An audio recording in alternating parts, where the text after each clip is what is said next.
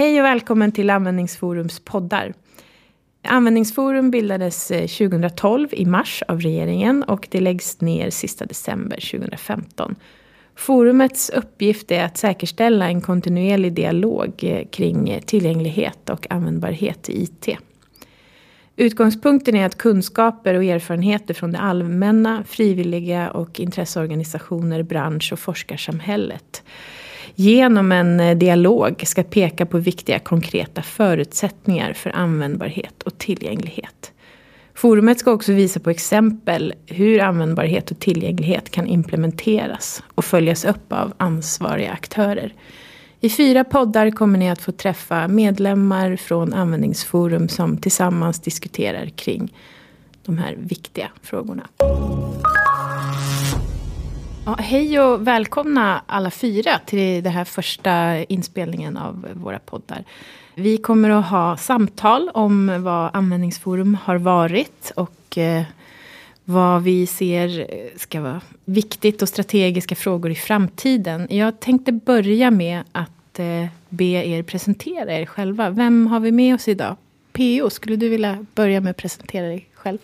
Ja, visst. Jag heter P.O. Hedvall och eh, kommer från något som heter Certec. Certec är en del av institutionen för designvetenskaper vid Lunds universitet. Och vi arbetar med något som vi kallar för rehabiliteringsteknik och design.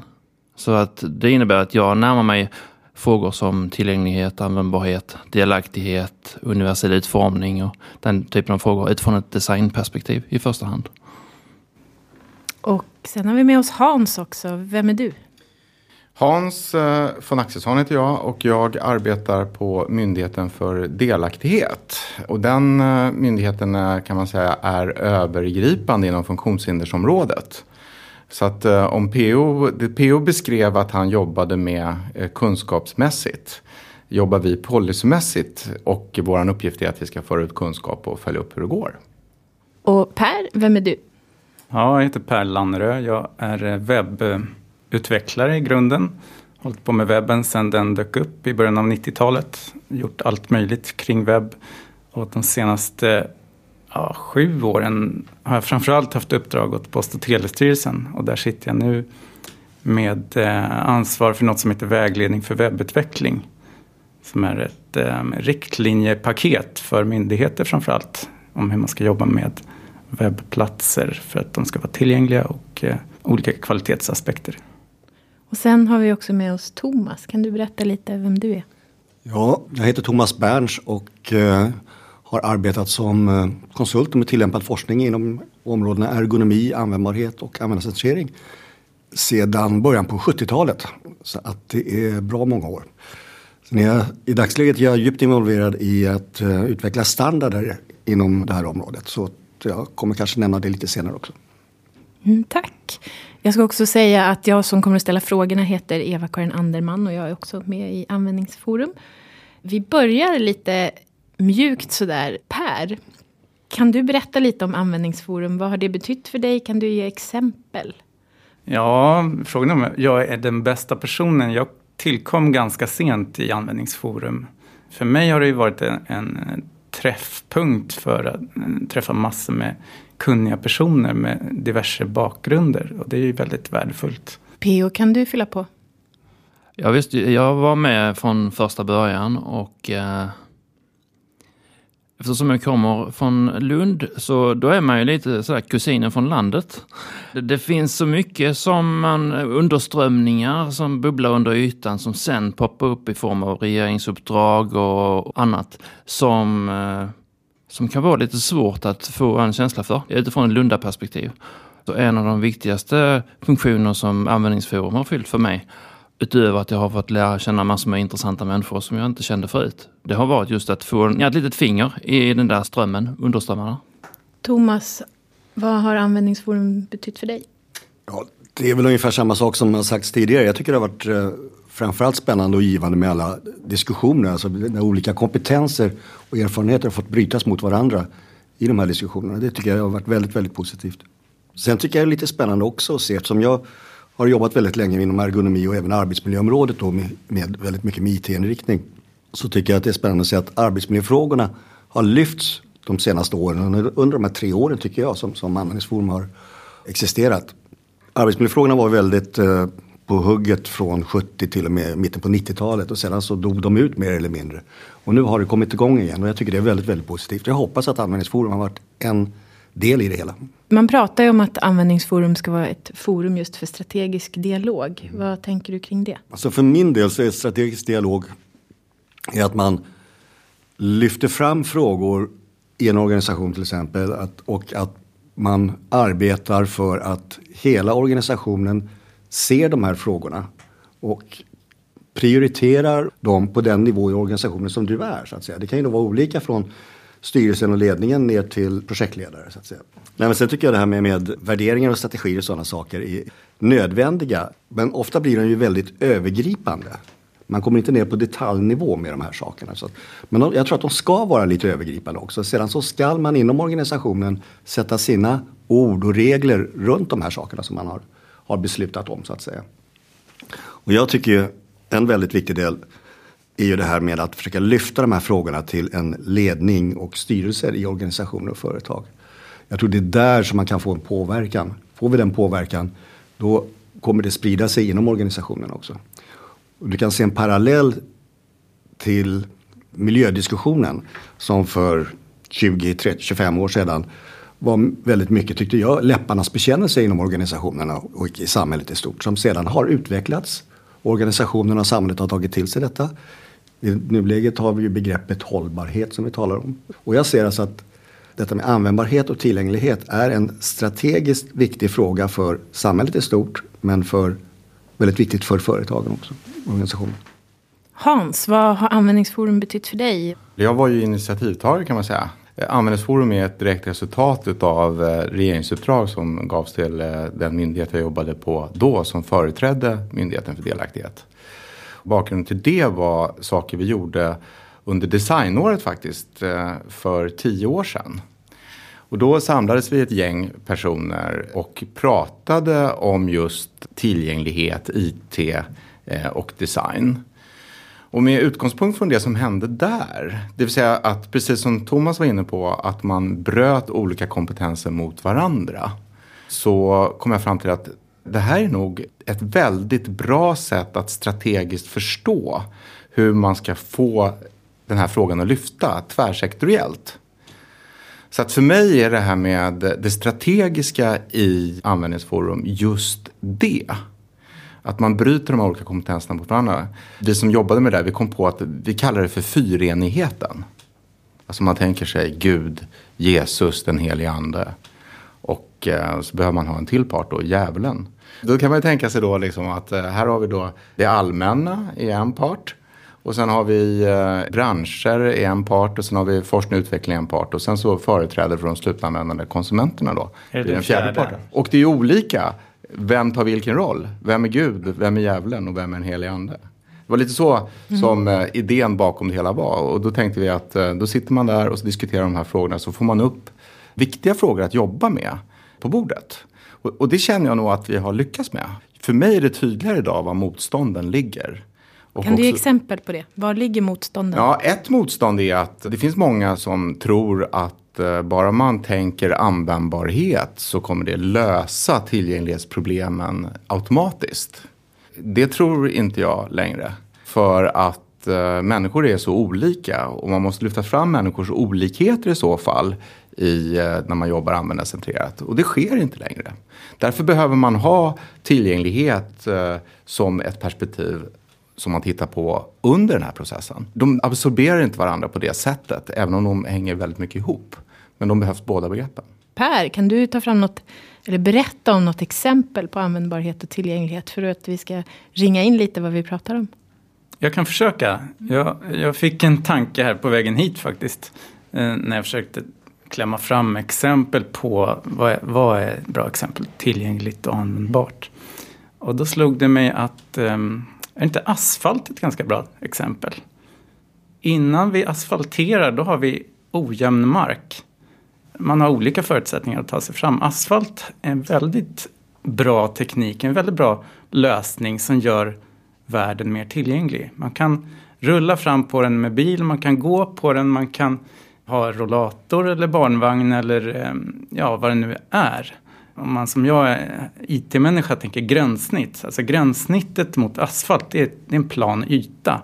Den är väldigt inkluderande. Den är väldigt enkel. Det är många olika som kan hantera det.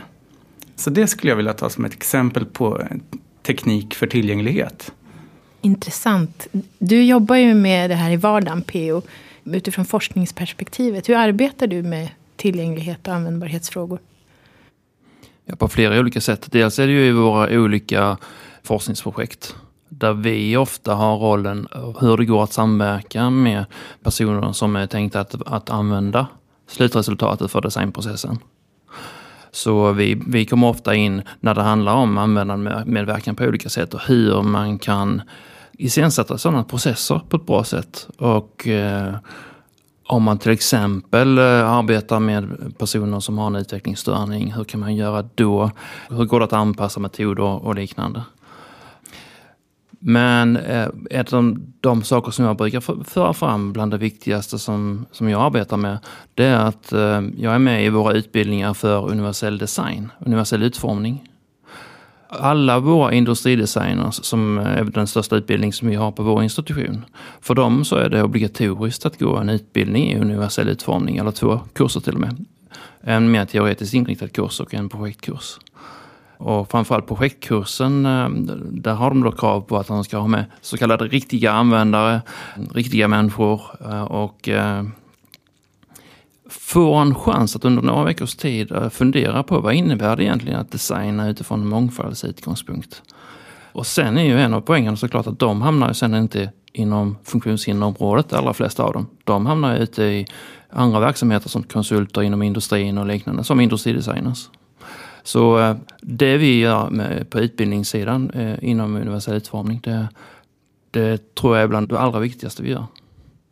Om man kopplar tillbaka till exemplet asfalt, vad, vad tänker du kring det? Vad får du för associationer? Är det ett bra exempel på att beskriva användbarhet och tillgänglighet? Det tycker jag. Jag tycker det är ett jättebra exempel.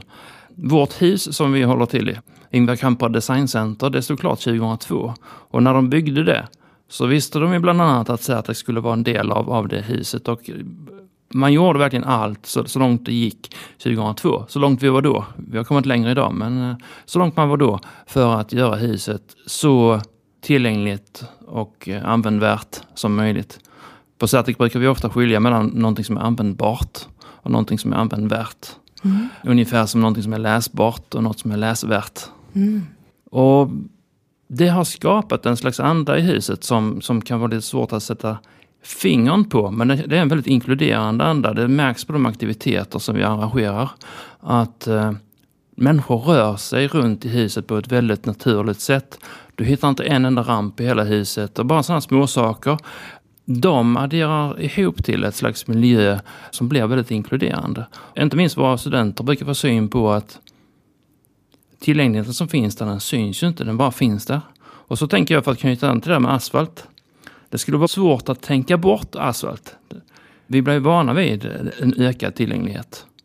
Och plötsligt, om det plötsligt skulle dyka upp massor med trappor i hus där det inte fanns trappor innan, så, så skulle vi säkert lägga märke till det. Och jag som själv sitter i rullstol skulle definitivt verka av en värld utan asfalt. Det kan jag säga. Mm. Hans, vad tänker du kring just asfalt som exempel? Jag tycker det är ett bra exempel. Och eh, jag eh, tänker så här att eh, den byggda miljön, den är ju på många sätt väldigt statisk. Det finns många hinder i den byggda miljön. Vi måste gå upp för backar, vi måste gå upp för trappor och så vidare. Eh, och det är väldigt svårt att planhyvla hela, hela Sverige, även om vi har asfalt. Däremot eh, då för att om vi ska tänka någonting annat som är väldigt svårt att tänka bort idag så är det internet. Och för mig är ju eh, kanske det viktigaste det är hur vi gör samhällsinformation på ett sådant sätt så att det både är kul, ändamålsenligt och, och lätt för mig att ta del av samhällsinformation på olika sätt. Och det är den centrala tillgänglighetsfrågan för mig just nu. Och då tänker jag framförallt, varför finns det så lite samhällsinformation i e-boksformat? Varför gör vi inte mer sånt? Thomas, vad tänker du kring det? Jag vill bara stödja det Hans har sagt. Det där är en väldigt, väldigt viktig del. Jag nämnde ju tidigare att jag var lite grann, eller är mycket involverad i det här med internationell standardisering inom det här ämnesområdet. Och i det sammanhanget så representerar jag Sveriges konsumenter. Och vi vet ju nu att populationen blir ju äldre och äldre. Och därför är just den här biten som Hans var inne på med samhällsinformation som är lättillgänglig för den stora delen av befolkningen är absolut central i det här sammanhanget. Och där tycker jag väl att Användningsforum har försökt lyfta den frågan. Och det hoppas jag att vi, har, att vi får ut det budskapet ordentligt. Vad tänker ni kring framtiden då, Per? Vad har du för tankar kring hur får vi ut budskapet och hur får vi det från att vara ett budskap till att bli verklighet? Jag tror att det är ett ganska stort arbete och jag brukar göra paralleller mellan byggd miljö och eh, digital miljö. Om man tittar byggd miljö då är det ganska så självklart idag, hoppas jag, att man bygger dörrar som är tillräckligt vida för att komma in med olika typer av eh, ja, rullande farkoster, vad det nu är man har. Och um, man tänker till när det gäller ramper och så vidare. När man bygger digitalt, då är det inte självklart. Långt ifrån självklart, tyvärr. På samma sätt som man borde kunna komma in i en byggnad med rullstol eller barnvagn så borde man kunna komma in på en webbplats med en skärmläsare. Men det är bara i mån av intresse och specialkunskaper hos webbutvecklaren som det funkar idag, i princip. Så jag tror att vi har en lång väg att gå. Vi behöver asfaltera internet om man säger så. Mm. För det är bara vildmark än så länge. Det, det, är väldigt omoget och det kommer ta många år innan vi liksom har samma mogenhet som, som i den byggda miljön. Om vi nu ska ta oss från den här vildmarken, hur gör vi då, då PO? Vad betyder det du jobbar med? Du pratar om universell design, vad menar du med det?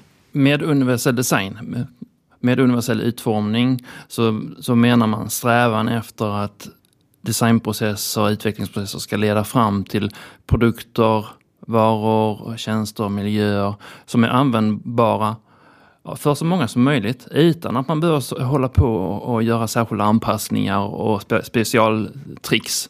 För, eh, utan att det vi skapar, att det kan användas av alla. Per, vill du fortsätta? Ja, Eh, vi har ju en, en, fantastisk pedagog i vårt land som har blivit världsberömd nu. Jag tänker på Hans Rosling.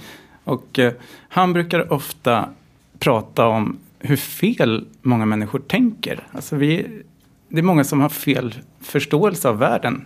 Man har inaktuella eh, kunskaper. Eh, om ens de någonsin har varit aktuella. Eh, och jag tror att ett sådant område gäller just funktionsnedsättningar.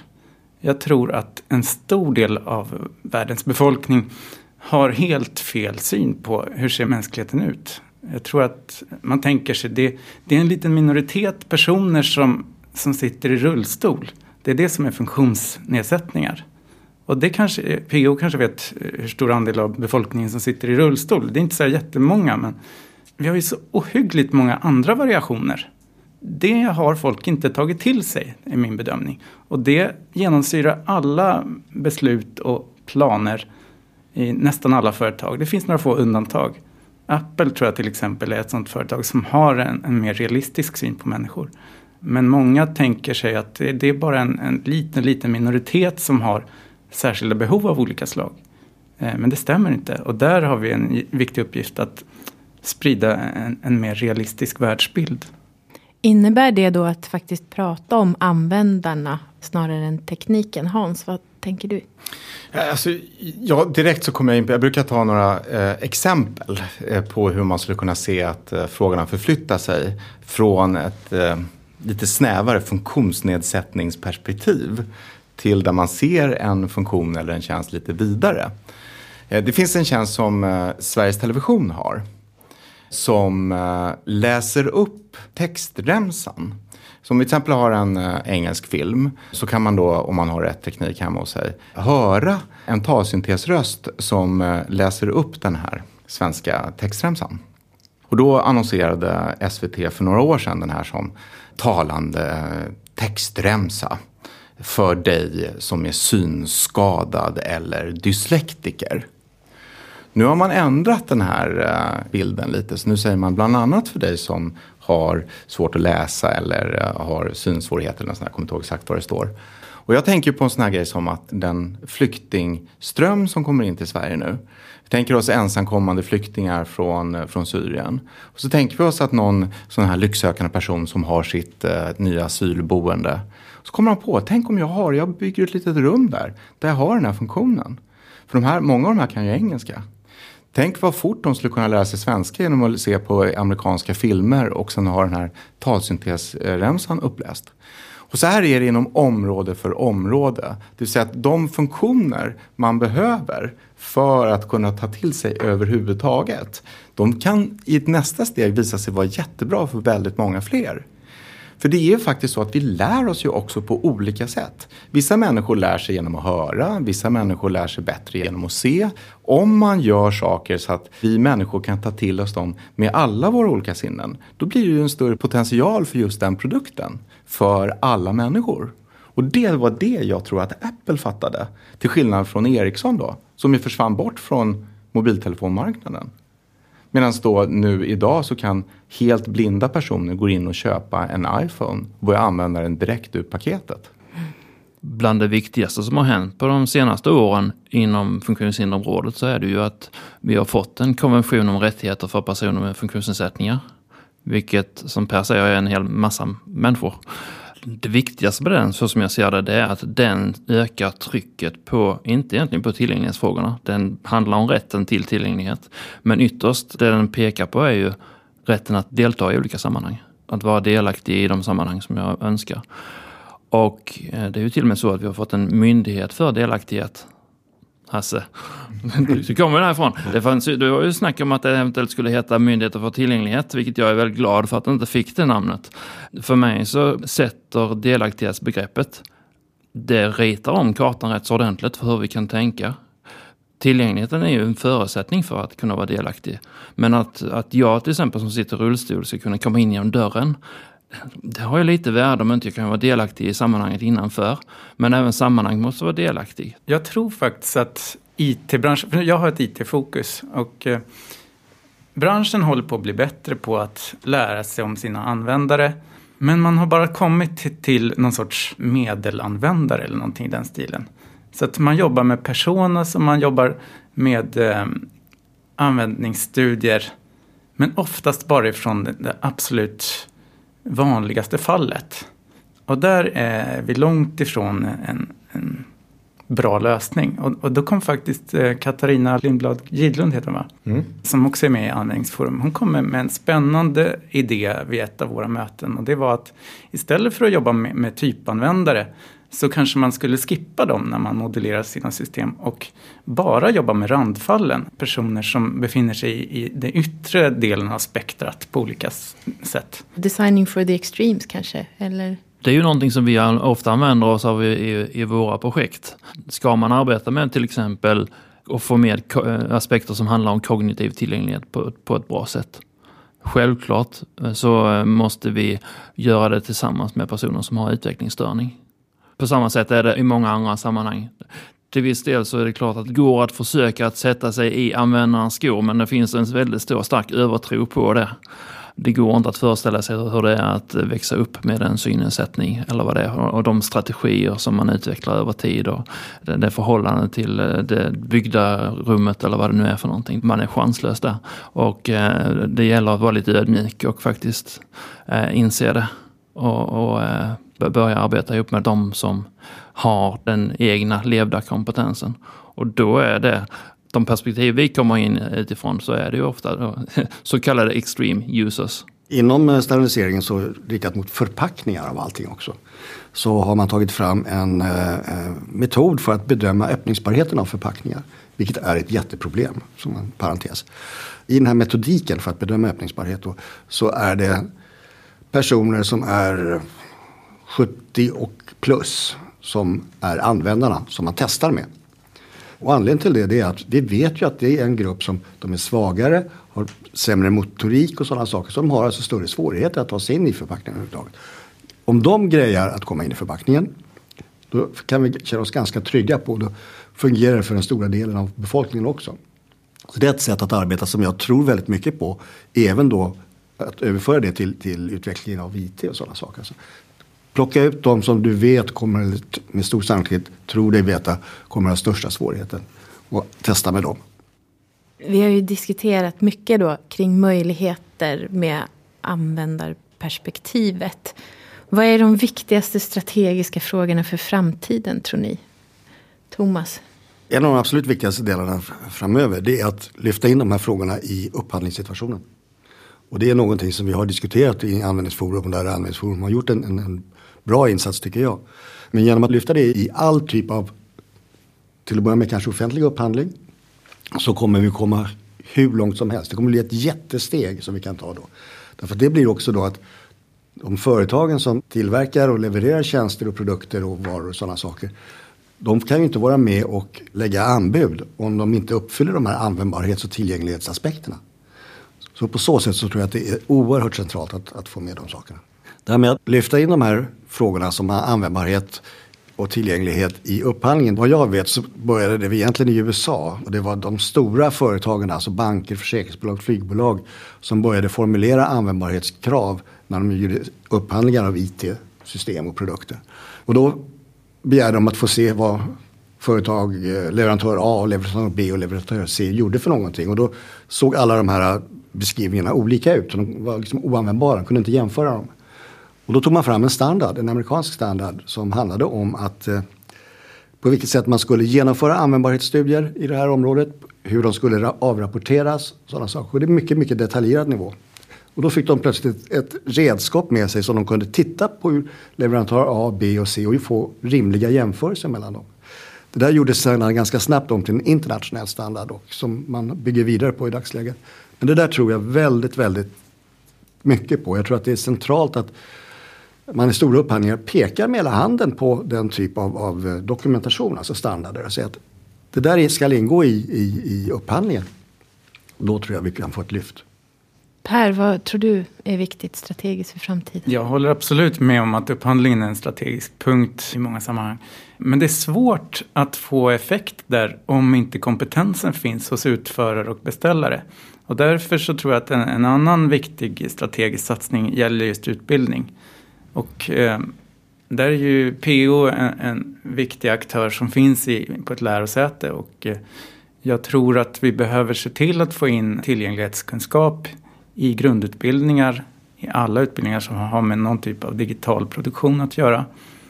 Andra vägar också såklart. För där har jag en känsla av att det mycket bygger på eldsjälar och personligt intresse hos kursarrangörer och så idag. Där behövs det nog en förstärkning. Eller vad säger ni andra? PO, vad säger du om det? Jag håller med. Eh, det knyter ju an till eh, den strategiska dialogen också. Mm. Den är i väldigt hög grad kunskapsinriktad såklart. Både att eh, få syn på andras perspektiv och sin egen position och sina egna perspektiv. Så, så definitivt, och ju tidigare vi kan komma in med tillgänglighet och användbarhetsfrågor i utbildningarna, desto bättre. Och sen såklart måste det stöttas av starka standarder som är vettigt utformade. Och det tycker jag att vi har och är på väg att få i, väldigt hög grad. Det jag skulle vilja lyfta fram som viktigt inför framtiden det är att ta tillvara på den potential som finns i delaktighetsbegreppet. Jag tycker inte att vi är så vidare bra på det än så länge. Dels utifrån forskningsperspektiv kan vi göra mycket mer. Som jag sa, vi vet mycket om eh, dörrbredder och, och eh, mått på människor och sådär. Men vad innebär det egentligen att växa upp i ett mer öppet och tillgängligt samhälle? Vad innebär det för, för de val jag gör i livet? Om jag blir mer van vid att klara mig så tar jag del i fler aspekter av samhället. Där kommer vi in lite grann på det vi behöver bli bättre på när det gäller delaktighet. Och det är att det är ju lite undflyende och invävt i långa tidsperspektiv och lite svårt att mäta. Utan det handlar mer om en någon slags ambition kring hur vi vill leva ihop, tycker jag. Och där behöver vi bli bättre, alla, vi utifrån forskningen men också funktionshinderrörelsen, andra behöver bli bättre på att lyfta fram positiva exempel på vad, vad till exempel universell utformning innebär för människor. Och då inte bara såklart för människor med funktionsnedsättningar. Vad innebär det för den som kommer och har en barnvagn med sig eller som har två matkassar i ena handen och en bilbarnstol under andra armen? Hans, om du skulle få ge ett exempel då för att påbörja det här med att lyfta fram goda exempel. Jag skriver under på alla de tre sakerna som har lyfts fram här. Alltså upphandling, utbildning och att jobba med delaktighetsbegreppet. Men det absolut viktigaste och kanske i alla de här tre sammanhangen det är ju faktiskt att ha en dialog med de potentiella användarna av det jag håller på och har kvalitetsansvar för. I slutändan så är det någon person som ska använda det som jag ser till att mina produktions eller tjänsteprocesser leder till. Och det är klart att jag måste ta reda på vad den personen behöver. Lyckas vi bli bra på det, då knyter vi ihop de här tre sakerna. Alltså upphandling, utbildning och att få potential för delaktighetsbegreppet. Men då om man får slänga in en liten mm. sådär för att pressa er lite. Ja. Vad vill ni se ska hända i närtid? Användningsforum har ju varit den här strategiska dialogen då. då. Vad händer sen? Det är svårt att säga. Jag hoppas ju att, eh, att vi kan gå vidare med, med de processer som är, har satts igång i samhället nu på grund av att vi har en konvention om rättigheter för personer med funktionsnedsättningar. På grund av att vi har fått en myndighet för delaktighet och så vidare. Utifrån Sätex perspektiv, bland det viktigaste vi kommer att göra de kommande åren, det är att satsa mer på universell utformning. Vi har precis fått okej okay från eh, eh, LTHs ledning att utöka de, våra kurser när det gäller universell design. De har ju bara funnits för våra blivande civilingenjörer och våra blivande industridesigners tidigare. Men från och med nästa höst så eh, kommer vi att etablera en kurs som vänder sig externt också så att den som arbetar som samhällsplanerare eller vad vi nu ska ta fram för någonting också har möjlighet att gå den typen av kurser. Vi ser ju också eh, hur universell design för oss öppnar upp en potential att kunna arbeta tillsammans med andra. Istället för att arbeta utifrån ett, vad ska jag kalla det, ett, ett särperspektiv. Det bör man göra ibland på djupet utifrån till exempel personer som har synnedsättningar. Men universell design öppnar upp för att arbeta också på ett annat sätt och det är att jobba med andra som är experter på eh, inomhusklimat. Ja, vad man nu ska hitta på för någonting. Universell design erbjuder en brygga för oss att eh, jobba tillsammans med andra institutioner och andra typer av samhällsaktörer. Så vi har försökt att aktivt börja ta den, lite fler sådana initiativ nu på sistone. Hans? Eh, jag bara tänker på några saker. Alltså, vi har ett antal samhällstrender som är väldigt djupt verkande. Vi har urbaniseringen och vi har internationaliseringen, individualiseringen. Och sen då framför allt för oss digitaliseringen. Och då vill jag knyta an till någonting som Thomas sa. Att eh, det här med digital arbetsmiljö.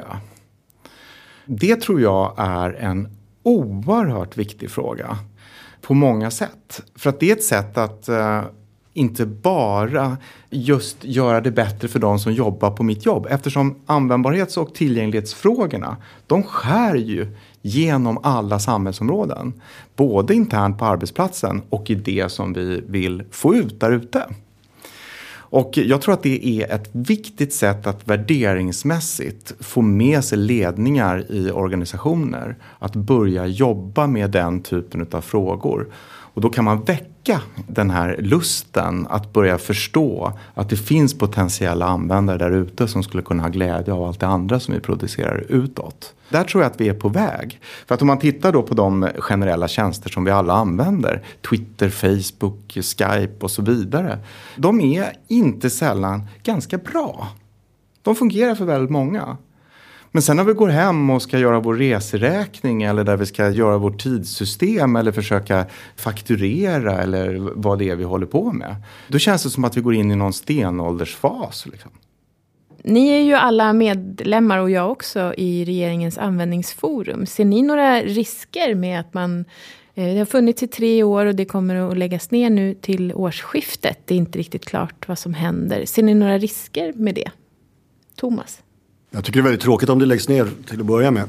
Jag tycker att de här frågeställningarna är för viktiga för att de ska få suddas ut bara så att säga. Och jag tror att, eh, eller jag vet vågar jag påstå, att när man sätter ihop grupper på det här sättet så tar det ett till två år innan man kan börja skörda, få ihop kunskaper som sådana. Alltså, jag brukar säga att man börjar med att så och så får det växa i ett och ett halvt, två år och så får man, kan man skörda. Och jag skulle säga att man skulle kunna så ytterligare en gång nu och kunna börja skörda igen om två till tre år. Så jag tror att någon form för användningsforum eller motsvarande eh, organisation vore väldigt, väldigt positivt. Och då tror jag också vi kan lägga större kraft på detta med upphandling som jag lyft fram tidigare också. Och kanske involvera den typ av myndighet också i, i de här sammanhangen. Mm. Det tycker jag vore positivt mm. och värdefullt. Hans? Alltså, jag är ju uh, lite så här uh, förvaltningsnörd på, på ett sätt. Och jag brukar ju varje år roa mig med att läsa budgetpropositionen. Det tycker jag är kul.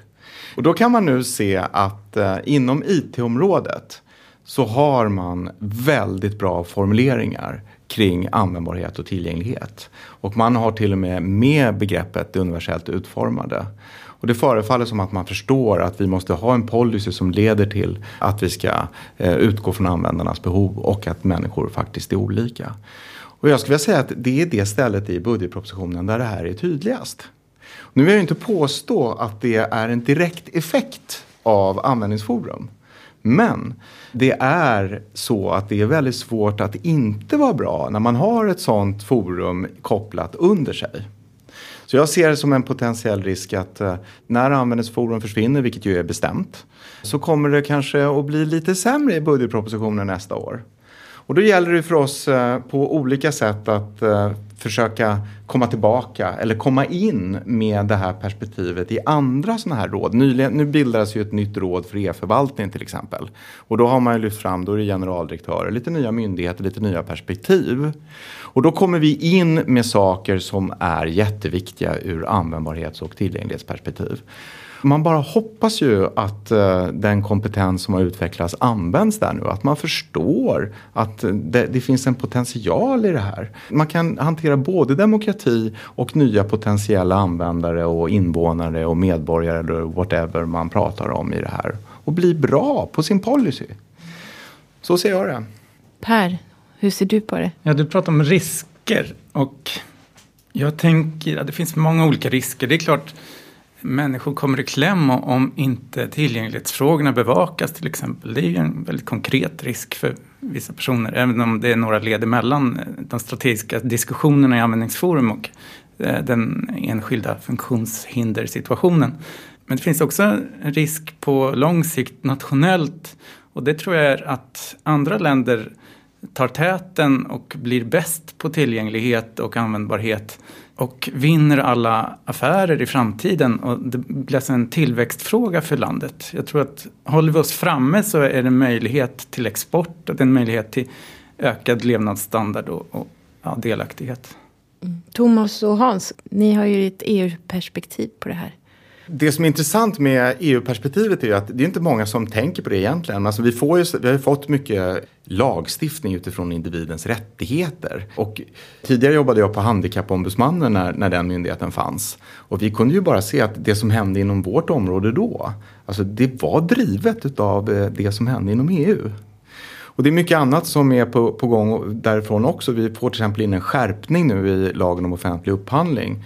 Det här med att eh, ställa krav på tillgänglighet och utformning för alla. Det är ingenting man bör göra längre utan det är någonting man ska göra när det man upphandlar ska användas av människor. Dessutom är det så att eh, EU har också ratificerat den här konventionen som PO pratar om. Och de är lite bättre än vad vi är faktiskt på det sättet för att de har lagt en resolution att när nya lagförslag ska upp på agendan då ska man ta på sig konventionsglasögonen och se.